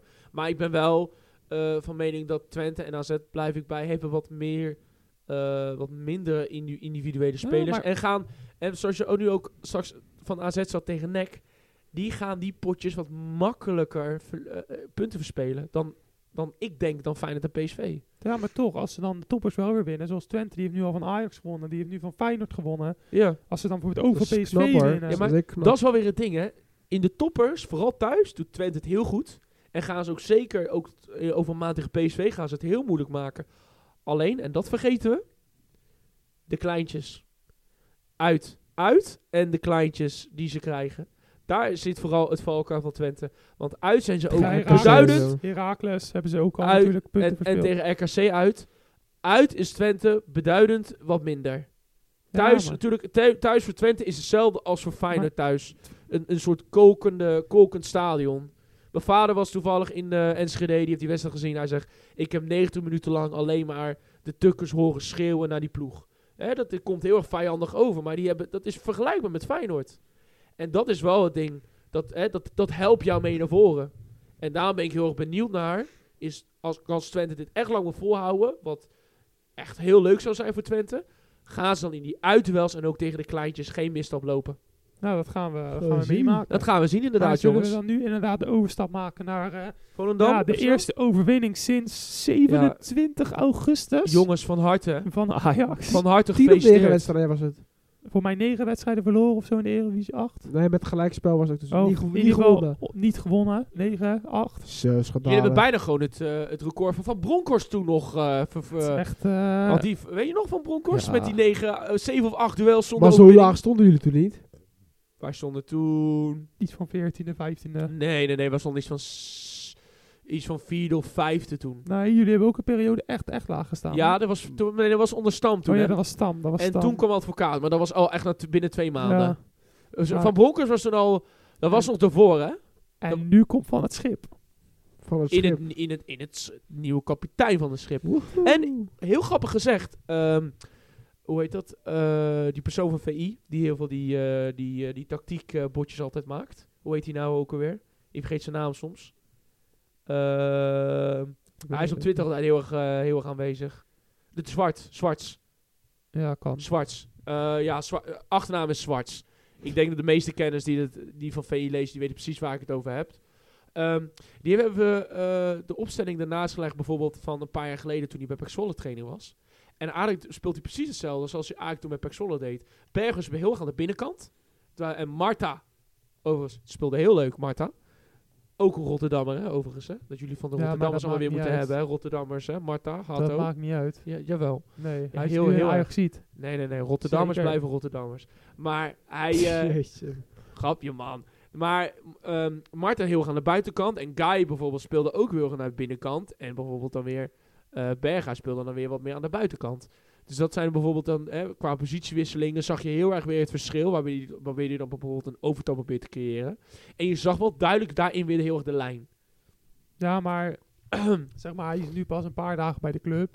Hij moet nog wel zijn eigen spel meer creëren natuurlijk. Ja, maar je zag wel... Ik vond wel dat er wat meer lijn in het spel was. Tuurlijk, er gaan wel dingen fout. En dan kan je die jongens ook niet kwalijk nemen na zoveel verliespunten. Eh, Je kan niet verwachten dat die trainer binnen één sessie opeens sprankelend En- voetbal laat zien. Maar ik zag wel, eerlijk is eerlijk, wat meer lijn En- in het spel. En hij miste nog wat spelers, zoals, eh, hoe heet het, Sosa, die was niet met wedstrijd fit.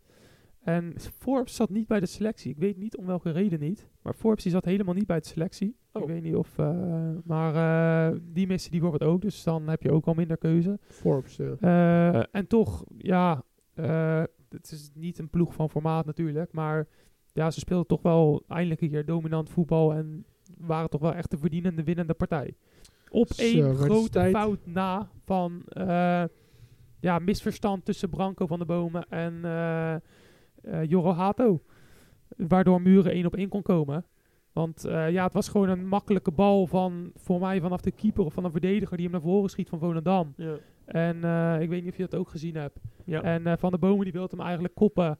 En Hato die staat er eigenlijk achter en die kan hem zo op zijn borst opvangen. Ja. Maar ja, Van de Bomen die verlengt hem dus eigenlijk per ongeluk daardoor. En daardoor gaat hij over Hato heen. Dan kan van Muren één op één komen. Ja. En dan Ramash met een mooie redding. Ja, Muren had hem ook wel af moeten. Maar één op één moet je altijd afmaken. Maar toch wel gewoon een mooie redding van de keeper ook. Want eh, ja, Ramash, daar waren ze ook heel erg, was hij ook heel erg tevreden over van het schip. Die voetbal leuk mee. Zoals we ook al konden zien bijvoorbeeld tegen Brighton en zo. Kan leuk meevoetballen en heeft toch ook wel goede reddingen in huis. Hoe lang is Roelie nog uitgeschakeld eigenlijk?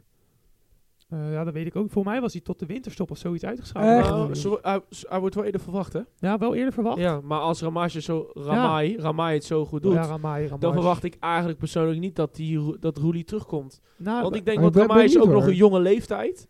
En En- ik moet ook eerlijk zeggen, ik vind hem best wel een redelijk goede indruk ja, maken. wat, wat denk je van... Want Gorter die is nu toch wel eruit. Want hij is nu wel geblesseerd. Maar die gaat niet meer terugkomen, toch? Als eerste keeper.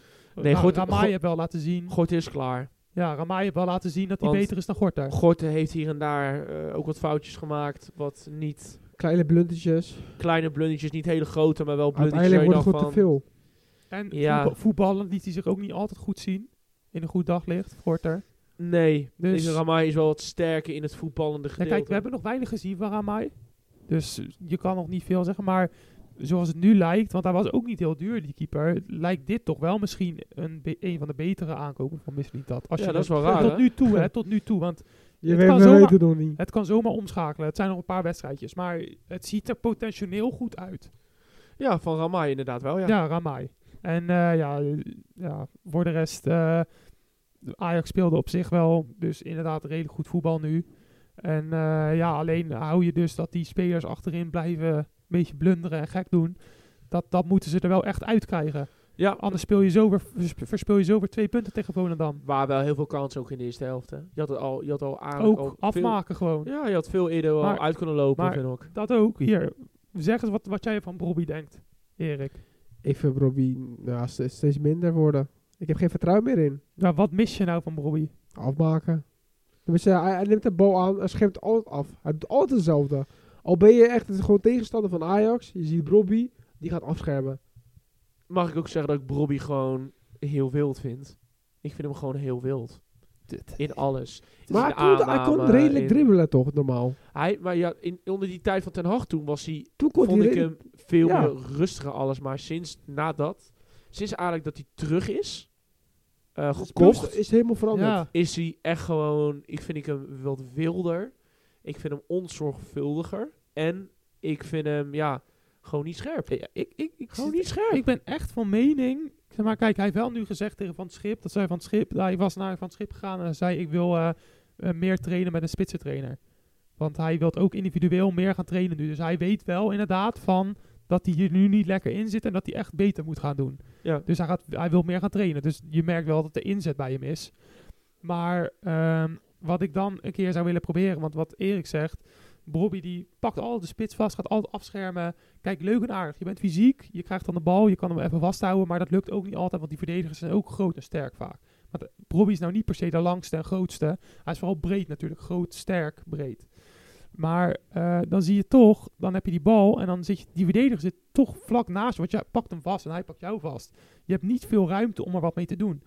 Wat je veel spitsen ziet doen, die ook een dribbel hebben zoals Bobby, want Bobby kan wel redelijk dribbelen voor een spits. Het is niet een hele statische spits. Nee. Dus eh, waarom stapt hij niet, als hij de bal krijgt, twee stappen naar voren, dribbelt hij ergens naartoe en dan doet hij er wat mee. Dan heb je meer ruimte. Dat is toch Dat meer... kan die denk ik ook wel. dat, dat kan die ook wel, maar hij maar doet misschien het willen bij de tactiek dat ze Ik- de coach het niet wil. Ik denk dat ik zou oprecht een keer eh Mika Doutsen, die is eh, nu volgens mij weer terug van blessure.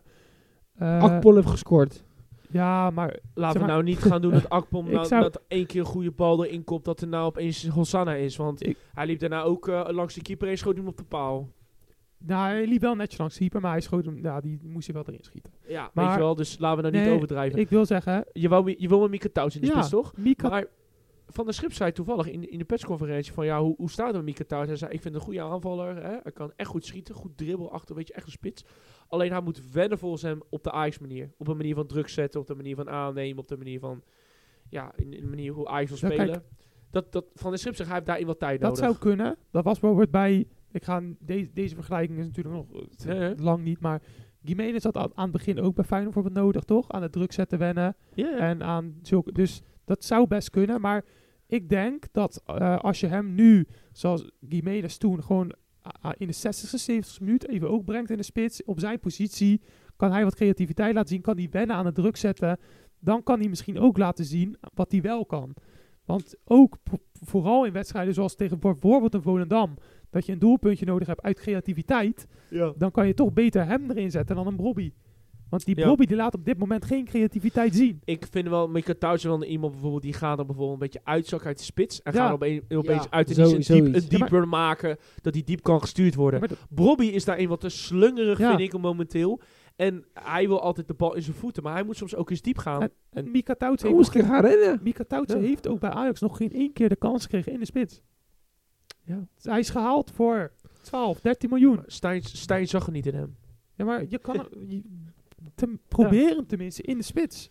Op zijn positie. Ja. Want op dit moment doet de spits de positie het sowieso niet heel goed. Kijk, Akpom, leuk dat hij nu een doelpunt scoort. maar ja, tot nu toe is het ook niet echt een wereldspits gebleken.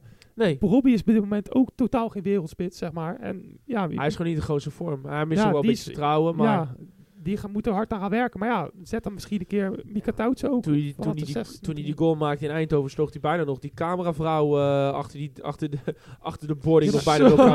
Ja, Die vrouw, die vrouw die, die, die, die gewoon een reactie zo met zijn met zijn- met zijn linker. Die gaf gewoon bijna linker als, eh, als reactie. Ja, maar Ja, ik, ik kan Bobby best begrijpen, maar ik denk, man, man, man, weet je wel, het ligt ook wel een beetje aan jezelf. Je Ja. mist kansen, jongen. ja, maar Als hij hier gewoon maakt, dan sta je gewoon 0-3, 0-4 voor het- gewoon, het, weet gaat, je. Het gaat misschien ook wat te veel in zijn hoofd spelen.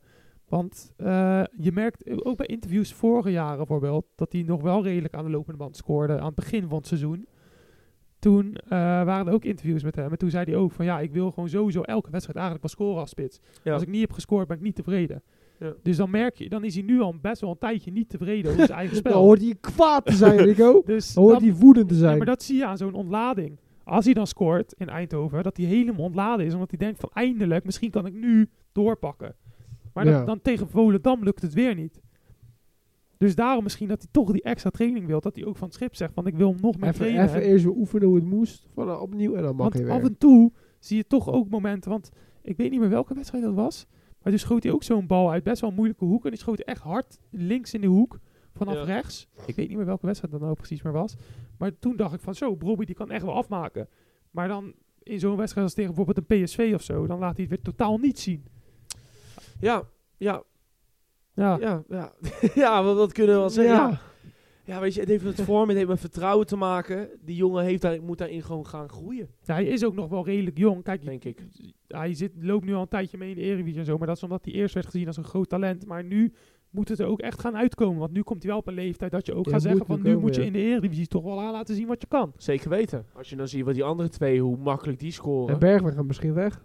Ja, dat, dat zijn nog allemaal geruchten. Geruchten. waar je- want dat weet je niet. Want eh, ze- er, waren niet ook, er waren ook geruchten dat van het schip hem zijn aanvoerdersband zou ontnemen. Maar dat tot ja, dat toe, was ook weer een grote gerucht. dat is tot nu toe ook Bom- nog niet bommet- gebeurd. bommetjes gooien, hè? jullie gooien bommetjes. Bom- ja, bommetjes. Beetje- bommetjes beetje- in het daar. zwembad. Ja? Bommetjes zwembad? Ja, bommetjes in het zwembad. Lekker man, lekker man, bommetjes in het zwembad. Het is ook een, eigenlijk een mooie titel. Jullie gooien bommetjes.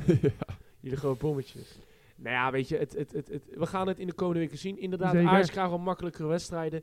Ik geloof niet dat Ajax ze allemaal gaat winnen. Ik Er gaan, er gaan hier en daar wel wat bananenscheetjes vallen. En dan kan je ze ook niet kwalijk opnemen, want het, tuurlijk, het team zal wat meer gaan groeien. Er zal wat meer structuur gaan komen. Alleen, ik ben wel van mening dat eh, Ajax gaat nog wel een paar keer op zijn bek. ik En denk, misschien wel groot op zijn bek. ik denk dat ze van de komende zeven wedstrijden er echt wel een stuk of vijf gaan winnen. Nou, dat, dat, dat, is, dat is wel reëel. Dus Ik zou Ligt er ook er verbazen. divisie komen allemaal, denk Ja, ik. maar bijvoorbeeld Heerenveen. Maar ze, hebben, ze krijgen het niet meer zo moeilijk, Nee, nee, nee, ze Ze hebben hebben- alle ze wel, Europa League. Europa League ga ik, zie ik ze niet meer doen, Oh. inderdaad. Maar Ehm, kijk, Nou, ik, zei, ik zei het vorige week al, Via jongens. de beker is altijd een optie nog. Kijk, jongens, ik zei het vorige week al. Ik wil het ook best elke week gaan zeggen. Er is geen subtop meer in Nederland. We hebben nu een top 4. Op dit moment, hè. Ajax is daar nu onder, maar ik zoals ik al tien keer, honderd keer heb gezegd, dat is een apart geval. Maar de rest daaronder, onder eh, de top 4, is gewoon één pot nat. Want als Volendam nu had gewonnen en die winnen volgende week ook met, met alle geluk van de wereld van iemand, dan staan ze in een linker rijtje. Ja, nou, Dus- Ajax toch ook als we alweer Ja, bijvoorbeeld als ze nu van RKC winnen, staan ze ook in een linker rijtje. Ik bedoel alleen maar Ja, te is zeggen, bizar. het, het, er, is geen, er is geen subtop. Het kan ook zomaar zijn dat als inderdaad Ajax wel zijn laatste potjes, de ene misschien gelijk, maar de andere een beetje wat meer eh, structuur in zit dan de rest, kan Ajax ook op een gegeven moment in een soort niemandsland terechtkomen, waar de rest onder nog steeds tegen iedereen kan verliezen en iedereen kan winnen. En, eh, eh, eh, en dat de rest gewoon te hoog is. Dat kan. Het kan ook zomaar zijn dat, ook. dat Ajax daar in zo'n situatie kan eindigen. Want Maar dat kan, hè? Ik zeg alleen dat het kan. situaties die ook nog kunnen voorkomen, dat een van de top 4 ploegen afvalt door een grote blessure van een beslissende speler. Je bedoelt meer dat ze gewoon in een soort dip komen. ja, ze in een soort ja dip. een dip, maar kan ook komen door omstandigheden. Dat bijvoorbeeld AZ Pavlidis gaat missen, dat Feyenoord misschien Gimenez gaat missen, dat eh, PSV... eh, eh, Schouten gaat Nou, ja, nee, of eerder een centrale, laten we zeggen, Ja. meerdere centrale verdedigers kan ik daar wel nog op inspringen. Als bijvoorbeeld bij AZ Pavl- Pavlidis uitvalt, heeft AZ een gigaprobleem. Als bij Twente bijvoorbeeld een Michel Flap uitvalt, of bijvoorbeeld een Ugalde, dan heeft Twente inderdaad een probleem. Als bij Feyenoord Gimenez uitvalt, inderdaad, dat is een, acht, een enorme aderlating, maar je hebt altijd nog Ueda ja, erachter. maar PSV, als hè, Noah Lang viel eruit, toch wel, eigenlijk wel op dit moment toch wel de, de sterkste speler. Wat gebeurt er? Lozano wordt links gezet. En Lozano doet gewoon precies hetzelfde wat Noah Lang op dit moment op, daarvoor deed. Bij PSV en Feyenoord zijn er wel wat meer keuzes. Ja. AZ en Twente, als het daar een grote speler zoals... hey, Oenderstal, die zat te keeper. Mijn hemel haalt die partij een paar ballen eruit tegen Feyenoord. Maar als die uitvalt en de tweede keer moet spelen... heeft Twente ook gewoon Ja, een gigaprobleem. ik, ik blijf... Dat bedoel ik te zeggen, Ja, maar Rico. ik blijf het wel zeggen. Bij een Feyenoord en Gimenez is toch vele malen beter dan Ueda nu. Maar Ueda scoort wel wat meer dan als we straks weer een jong AZ-spits uit de KKD moeten halen. Waarvan we niet weten dat hij het niveau aan kan. Dat weet je nog niet van Ueda. Want je hebt Ueda nog niet zoveel in actie gezien dat je weet Je dat hij gaat scoren. van even. Jawel, want als je, als je ook zo... Want inderdaad, hij speelde maar 60 minuten tegen Atletico, maar dat deed hij wel goed. Ja, maar dus, en het is wel tegen Atletico. Het is niet tegen Roda. Het is niet Ja, tegen maar- Heracles. Ja, ik zie hem wel in, tegen sub, subtop wel oké doen. Tegen ook Heracles, tegen Heerenveen. je, je kan van Maar in de Champions League komt het niet ver. Je kan van Met Ueda. Nee, want je, je, kan, je kan ook leuk van sommige spelers hoge dingen verwachten, maar soms kunnen ze ook teleurstellen. Kan en van Ueda hebben we gewoon nog niet genoeg gezien. Nou jongens, we gaan het... eh, Zien. we gaan het meemaken, maar ik blijf het zeggen. Er is geen subtop in Nederland. En dat, ik denk dat we daar Dat toch was een nieuwe titel. Ja? Wordt dat de titel? Zo. Er is geen subtop in Nederland. Nee, ik heb, wel, ik, heb wel, ik heb wel een goede titel voor deze, voor deze aflevering. Jongens, we gaan bijna het einde. Ik wil toch nog één... We hebben eigenlijk nog twee wedstrijden die we even kort erbij gaan pakken. We hebben één, ja Rico, sorry voor, voor de dames en heren. Rico had echt een zware, een zware weekend. Want en zijn club Barcelona verloor van, eh van Belligol. Toch Erik? Bellingham, Belligol. Belligol. En eh. Manchester is eh, blauw gekleurd. En Ajax verloor. En Ajax verloor dus. Rico was een beetje te passief, maar we hebben hem wel weer uit het krot getrokken. Want anders had hij hier niet gezeten. Toch Rico? Het is dat het moet. het is dat het, is dat het moet. nee, nee. Maar Rico, op wie was je meer teleurgesteld dan? Was je meer teleurgesteld in Barcelona of in United? Als je moet Ah, kiezen. Ik denk, eh, ja, van Man United verwacht ik al niet meer zoveel. Dus eerder van eh, Barcelona. Ja? Want, eh, Ik zeg eerlijk, ik had niet verwacht echt 3-0 zou worden. Nee, ik ook niet 3-0, maar... Ik had nee, het echt sterker verwacht Je- City. Yes, United zit echt niet in een lekkere draai. Dat merk je al heel het seizoen. Gaat er nog nog blijven? Ja, tot Ja. nu toe wel. Ze Ja, hebben weer vertrouwen a- in- Ten Hag uitgesproken. Maar Ah, ik de- blijf- wat, wat, heb je die uitspraak gehoord? ja, maar ik blijf wel zeggen, dit kan niet door Ten Hag. Hè. Ten Hag heeft gewoon ook pech met blessures. ook, echt ook. ook gewoon Maar- veel pech met, met, met, met spelers die gewoon niet de vorm hebben. Anthony, die zijn vrouw slaat. Maar- en die dan gewoon eh, eh, eh, eh, Oh. in, in, in- ja, in, in custody wordt gehaald. Ja, maar Eh, het zit United Ja, ook niet mee, maar je kan het Ten Hag niet aanrekenen. wat vind je er nou van dat Ten Hag dan zegt van ik ga bij United gewoon geen Ajax voetbal spelen. Terwijl hij zegt ik heb er de spelers niet voor. Maar welke spelers heeft hij? heeft Onana. Daarmee heeft hij Ajax voetbal gespeeld. Hij heeft Martinez, daarmee heeft hij Ajax voetbal. Ja, Martinez is nu dan geblesseerd, maar Anthony heeft hij Ajax voetbal meegespeeld. Eh Ja, ik, Ja. ik kan het uitleggen, Rico. Eigenlijk heel simpel. nou, Komt er één iemand. Harry Maguire. Ja, maar Harry Maguire. Harry Maguire. Als maar Harry Ja, Maguire speelt, ja, kan je het echt op je hoofd kijk, schrijven nu- dat je Ajax nou is goed, best nu, goed. nu door blessures is het lastig. Maar waarom zegt Ten Hag dan, ik ga nooit bij United Ajax voetbal kunnen spelen? Want als, laten we zeggen, iedereen is weer fit, hè? Dan Ja. heb je gewoon een opstelling met Onana. Rechtsachter kan je kiezen tussen Wan-Bissaka of Dalot. Die kunnen allebei ook wel voetballen. Eh, centrale verdedigers heb je Varane, die is Real voetbal gewend. Die kan ook gewoon voetballen. En Martinez, die het, is, is het Ajax voetbal gewend. Linksachter heb je de keuze tussen Shaw en Malasia. Ook geen slechte keuzes, toch? Aanvallend gezien Malasia misschien wel. Maar Shaw aanvallend is een van de betere backs in de Premier League, denk ik, als hij fit is. Dan heb je een middenveld als het fit is met Casemiro. Met, eh, ja, kan je kiezen, Mount, eh, Amrabat, ja, Eriksen. eh, Eriksen. eh, kunnen allemaal voetballen. Ja, Eriksen kan dan niet echt druk zetten. Dus dan laten we zeggen Mount voor druk zetten. Dan Ja. heb je een Cam met Bruno Fernandes. Die kan ook ja, de ballen uit zijn broek rennen. En dan heb je nog een Rashford en Anthony, ook Ajax voetbal. En een Hoylund, wat ook zo'n jagende spits is. En ja, een soort Haller plus, zou ik zeggen dan. Ja, nu laat hij nog niet veel zien. Maar qua potentieel wat ik in hem zie, zie je Hoylund inderdaad als... Zie, dan zie je toch wel een kwalitatief team wat ook Ajax voetbal zou moeten kunnen spelen.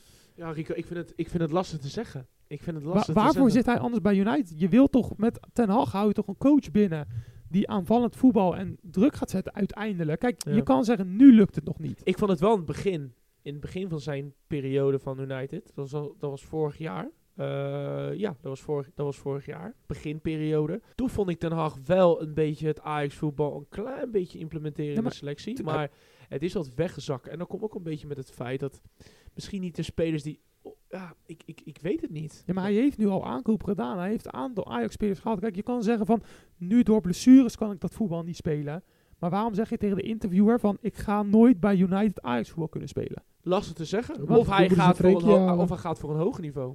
Ja, ik, maar ik, ik, ik had al eigenlijk in het begin al gedacht van... Nou, hij wou al heel graag Frenkie. Ten Nee, maar hij zei niet van ik hou een voetbal. Hij zei de spelers bij United zijn anders. Dus wij spelen wat directer voetbal, zei hij. Anders. Ja. Wij, wij gaan meer directer voetbal spelen. Omdat je bijvoorbeeld een Rashford hebt die uit een actie gelijk een doelpunt maakt of zo. Dus misschien daarom. Maar ja, ik snap niet waarom hij zegt dat hij gewoon niet Ajax voetbal kan spelen. Dat is toch zijn kwaliteit als coach. Dat Ja. hij dat voetbal speelt. Ja, ik vind het lastig. Ik vind het lastig, Rico. Vind jij hem nog een topcoach als hij niet dat Ajax voetbal gaat spelen? Ik vind hem nog steeds wel een topcoach. Ja, maar, maar hij moet wel de spelers... Ik vind, hem, ik, vind hem, ik vind hem een realistische coach. Want als hij... Ik geloof wel te zeggen, als hij ziet in die selectie dat hij dat niet kan doen... Dan kan ik hem op zich daarin wel geloven. Ik heb er nou gewoon heel Ja, hoog maar- zitten. ja, en ik denk dat hij daarin Ja, wel een ik- redelijk punt ik heeft. ook, maar ik- ben, was toch wel verbaasd dat hij gewoon zegt dat hij nooit bij United Ajax voetbal gaat spelen. Gewoon nooit, hè, zegt hij. Misschien andere tactieken gewoon, hè. Ik Ja, maar, misschien is het voetbal wat in de Premier League wordt gespeeld heel anders daarin. En- een, een Manchester City en een Arsenal, die spelen toch een soort van het Ajax voetbal Nee. in de Premier League. Vroeger dan. Arsenal speelt totaal geen Ajax voetbal. Nou, die zetten druk. Die, Ja, dat wel. Ja, maar, eh, dat, hun Maar ze spelen langzaam opbouwende voetbal. die, spelen, Ja. die spelen vooral gewoon het Barcelona voetbal. We kunnen het eerder gewoon zeggen, de, het Guardiola ja, voetbal. maar ze, vergelijk- ze vergelijken toen Ajax in die periode ook met kruifvoetbal, zeg maar. Ja. En Barcelona, die vergelijken ze ook.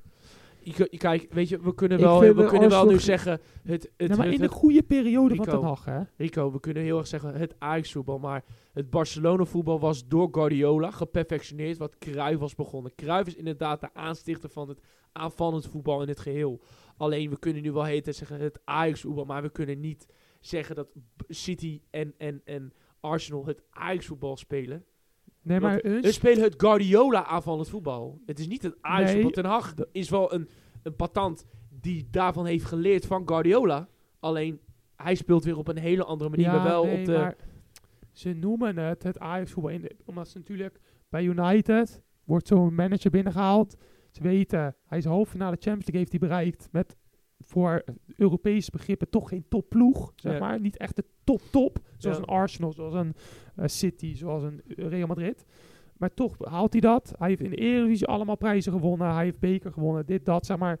En dat voetbal wat ze in de Champions League hebben gezien, dat voetbal noemen hun dan het Ajax-voetbal natuurlijk als fans. ja. Want laten we zeggen, Feyenoord zou een coach halen. En die coach speelt bijvoorbeeld bij, eh, laten we zeggen, je zou een eh, slot gaat weg en je haalt bijvoorbeeld Knoetsen of zo. En je wilt dat voetbal zien van Bodo en Glimt dat zeg maar 6-1 Roma wegspeelde. En hun willen natuurlijk het voetbal zien van het Ajax dat 4-1 Real Madrid wegspeelt. Dat voetbal bedoelen hun wat ze willen gaan zien. En dat wordt op dit moment gewoon totaal niet gespeeld bij United. Ja, en ik blijf toch zeggen, ja, ik, ik begrijp dat je er wordt gehaald, maar als je later dan inziet dat het misschien wat lastiger gaat met de spelers die je tot beschikking hebt. Ik, zie, je ben wel, ik ben wel van mening, hij haalt wel heel veel spelers die hij kent. Hè? Amrabat, Anthony, Martinez, Ja, maar- Onana, eh, Malasia. eh Eriksen nou, niet echt, maar die heeft wel natuurlijk al een beetje verleden ook in de Eredivisie. En daarentegen, weet je, Holland vind ik wel een interessante spits. Weet je wel, dat is wel echt wel uit de scouting gekomen. En Ook een hardjagende spits. ja, ook een, zeker een hardjagende spits die veel meters maakt. Alleen ja, weet je, ik, ik, ik, ik vertrouw Ten Hag wel op het feit wat hij zegt. Persoonlijk. Maar dat, dat Ja, maar is mijn mening. Denk jij Ik ben dat benieuwd. Op deze manier, zoals je nu ziet, gaat United toch niet vooruit? Nee. Ik hoorde ook een United-fan bijvoorbeeld zeggen. Die zei ook van, ja, kijk, als wij nu heel dit seizoen zo spelen, hè, en je ziet geen vooruitgang in het spel. Want op dit moment, dit seizoen, is er weinig vooruitgang in het spel. ja, Het, een wisselvallig resultaat. Dan, ja, dan kan je aan het eind van het seizoen zeggen, ja, wat doet Ten Hag nou echt? Maar toen zei iemand van, ja, kijk, dat, dat het dit seizoen misschien niet lekker loopt, dat kan. Je had ook Arteta, die had ook een paar mindere seizoenen bij Arsenal. Die moest gewoon zijn spel erin krijgen. Gewoon rustig. In de Premier League is dat gewoon lastig. ja. Vooral tegen de topteam. Maar Ten Hag, die moet dan toch ook gaan laten zien van... oké, we proberen dit spel op te gaan bouwen. Maar op dit moment laat hij gewoon niks zien van zijn spel achter. Dan moet hij dat toch ook... Kijk, dan moet hij niet in de media gaan lopen zeggen van... we gaan dat nooit spelen. Want wat heb je dan nog voor hoop op Ten Hag? ja. Als, als Ja, maar- fan van de club. Het is, Dan ja, heb je toch weinig het is ook hoop. een goed punt hoor. Ja, dan heb je weinig hoop meer in Ten Kijk, ik, ik sta ook achter Ten Hag. Want ik vind hem ook een geweldige coach. Ja. Maar is hij ook een geweldige coach zonder het Ajax voetbal? Dat hij, ja...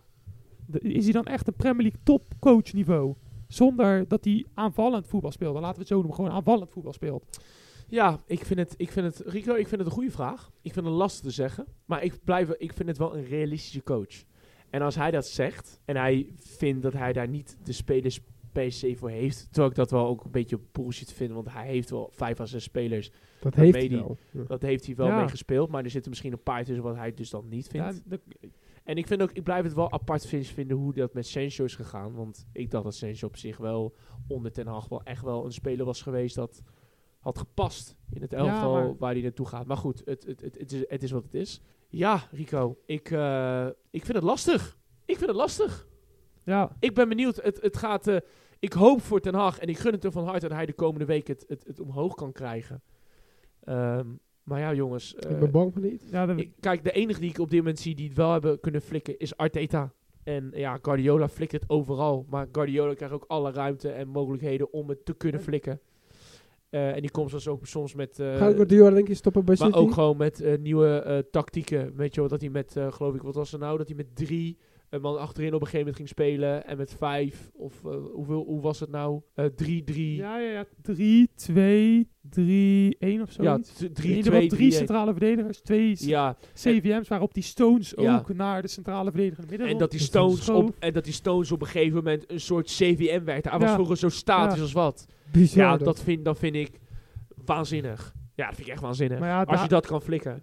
Zeg maar de City ook nu gewoon zonder de Bruine, maar wel Rodri terug, wat ook een belangrijk En ook die is. Braziliaan die daar speelt, die is ook niet slecht hè. Die Braziliaan die ze Die toen hadden gehaald. talent, die talent. Lewis. Ja, die ze toen Nee, hadden gehaald van, eh van Oh, eh, nee. eh, Wolves. Die had ze toen gehaald van Wolves. dat is geen Oh, Braziliaan, dat is een Portugees. nee. Portugees, excuses, Portugees. Ja, Neves. Toch? nee, was die, Cunha, nee, nee, nee, nee. Hoe heet die? Nee, Nee. centrale middenvelder bedoel je toch? Ja, die ja. Nee, eh, iets met een N, maar ik weet niet meer precies hoe dat heet. Nunez. Nunes. Nunez. Nunez. Nu- Nunes. Nunez. Nunez. Ja, je had Nunez Dat. en Neves. En Neves is Ja. naar Saudi-Arabië. Ja. En Nunez in Ja. New City. Ja, en Doku. Ja, Die vind ik echt... Zo, dat is echt een speler zeg. In de Premier League laat hij het gewoon zien af en toe. Hè, met die echt flitsende acties. Dat Ja. is iets wat ik eigenlijk van Anthony zou verwachten voor die 100 miljoen. en dat Maar doet en- Doku. Maar Ndoku doet dat wel. Judoku. Ja, Judoku. Doku Boku. Juist, dus ja. bizar. Maar ja, in ieder geval, City was gewoon verreweg de bovenliggende partij. En Barcelona, Rico? En ja, Barcelona, Ja, ja, dat is gewoon Bellingham show. ja, Ja. wie anders? ja, Wie Bellingham anders? is echt die, in, die, in bloedvorm. die, die eerste goal, ja. Wat, wat, wat Maar toch je- voel ik Real echt slordig spelen hoor. Zonder Ja, Bellingham zo echt gewoon... die, die eerste goal, wat moet je er tegen doen? Wat moet je er tegen doen? Ah, hij schiet gewoon netjes ja, wat moet je er tegen doen? Ja. En die tweede goal, ja, je weet dan, Bellingham gaat scoren in de 90ste minuut. Je had, al- je had, Ja. gewoon, je had gewoon meer moeten maken. Ja. Ja, Maar ja, Barca had wel veel blessures hoor. Ja, Barca heeft ook veel, maar Real, Maar ook Real ook. blessures. De verdediging is... En ik vind Kepa zo slecht.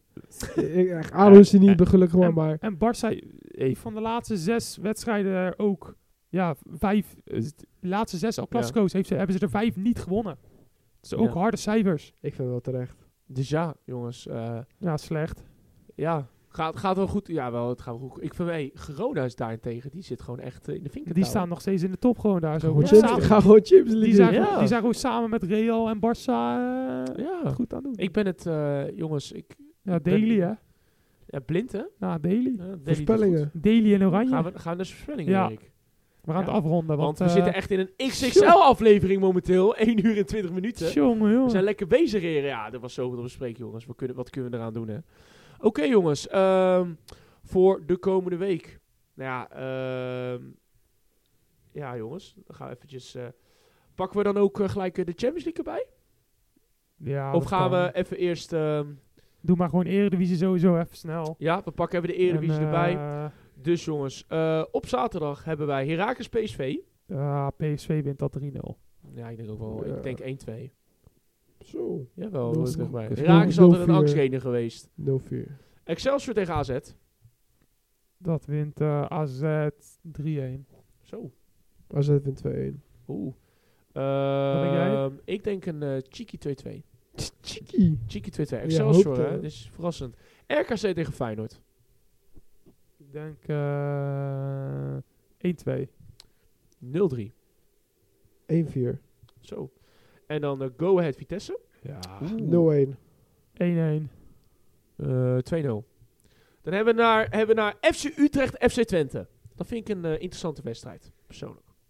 Twente 2-1. Ik denk gelijkspel. Ik Roy denk- Jans, Ik denk had ook het gelijkspel. Ja. Weet precies hoe hij dit, hoe die dit team moet aanpakken. Ehm, dan krijgen we een paar, eh degra- ja, eigenlijk een paar degrada degradatiepotjes. We hebben NEC Volendam. Daar wint, ik denk 3-0 NEC. Nek wint dat. Ja, nee, 2-1. Ik zeg 2-1 NEC. 2 nek. Ik Ik denk denk ook. eh 2-2. Eh PEC Zwolle tegen Fortuna. 1-1. 2-1. 1-2. Nou ja, Ajax Heerenveen. Ik 1-2. denk, 1-2. 1-2 Heerenveen? Nee, Ajax speelt 2-1. ik denk Zo. ook 2-1. Ah, mm, ik denk een lastige 2-1. Ik denk dat Heerenveen nog niet zo slecht gaat spelen in de arena. En dan Sparta Almere. Oh, daar gaat de Aal naartoe, jongens. Oh, we gaan naar Sparta Almere eigenlijk. live uitzending. Zei je? Aardig uitzenden. Sparta wint die 2-1. 3-0. Ik denk, eh, oeh, ik denk 2-2. denk Ik 3-0. ga eh, naar Feyenoord AZ de volgende week. Dus ik zal eh, wat... eh, Updates geven. ik ga inderdaad eh, wat updates geven. Dan pakken we even eh, heel snel wat Champions League duels eh, snel Nee, doorheen. doe maar alleen even de Eredivisie ploegen, joh. Oké, dus we hebben Lazio tegen Feyenoord. Ehm 1-1. 1-2. Ik heb vertrouwen. 2-1. PSV tegen Lens. Ja, Speelt PSV thuis? ja, Ja, 2-0. PSV thuis. 2-0. PSV moet winnen. Anders eh, hebben ze echt een probleem. 2-0. Dat is moeilijker. 1-1. Ik denk, ik denk ook 2-1. En dan hebben we Europees gezien. Hebben we ten eerste... Oh ja, we hebben Aston Villa tegen eh, AZ. AZ. Ja, dat, ik denk... Ik ben echt bang voor een 3-0 of zo. Ja, 4-0. Zo. 4-1. Zo. En dan eh Ajax Brighton. Eh, ik, denk, ik denk gelijkspel. Ik denk eh 3-1 Ajax. 3-2 Ajax. Ja? Ja. Oké. Nou, oké. Nou, Nou mooi, jongens. Dan, eh, dan eh, verwachten wij veel spektakel voor de komende week. Yes! Zeker. Yes, we kunnen zeker niet wachten. Ik kan niet wachten. En eh, ik ben heel benieuwd. Hopelijk kunnen de Eredivisie ploegen ook Europees weer wat extra punten pakken. Want ik las dat Frankrijk en Portugal weer in, in onze nek hijgen. Ja, zeker. Dus we moeten er weer wat. eh, ja, dus we moeten er inderdaad weer van gaan veranderen. Dus we kijken met eh, vol spoed tegemoet. En eh, daarbij wensen we alle kijkers en luisteraars natuurlijk. eh, fijn weekend. En eh, tot volgende week. Tot volgende week.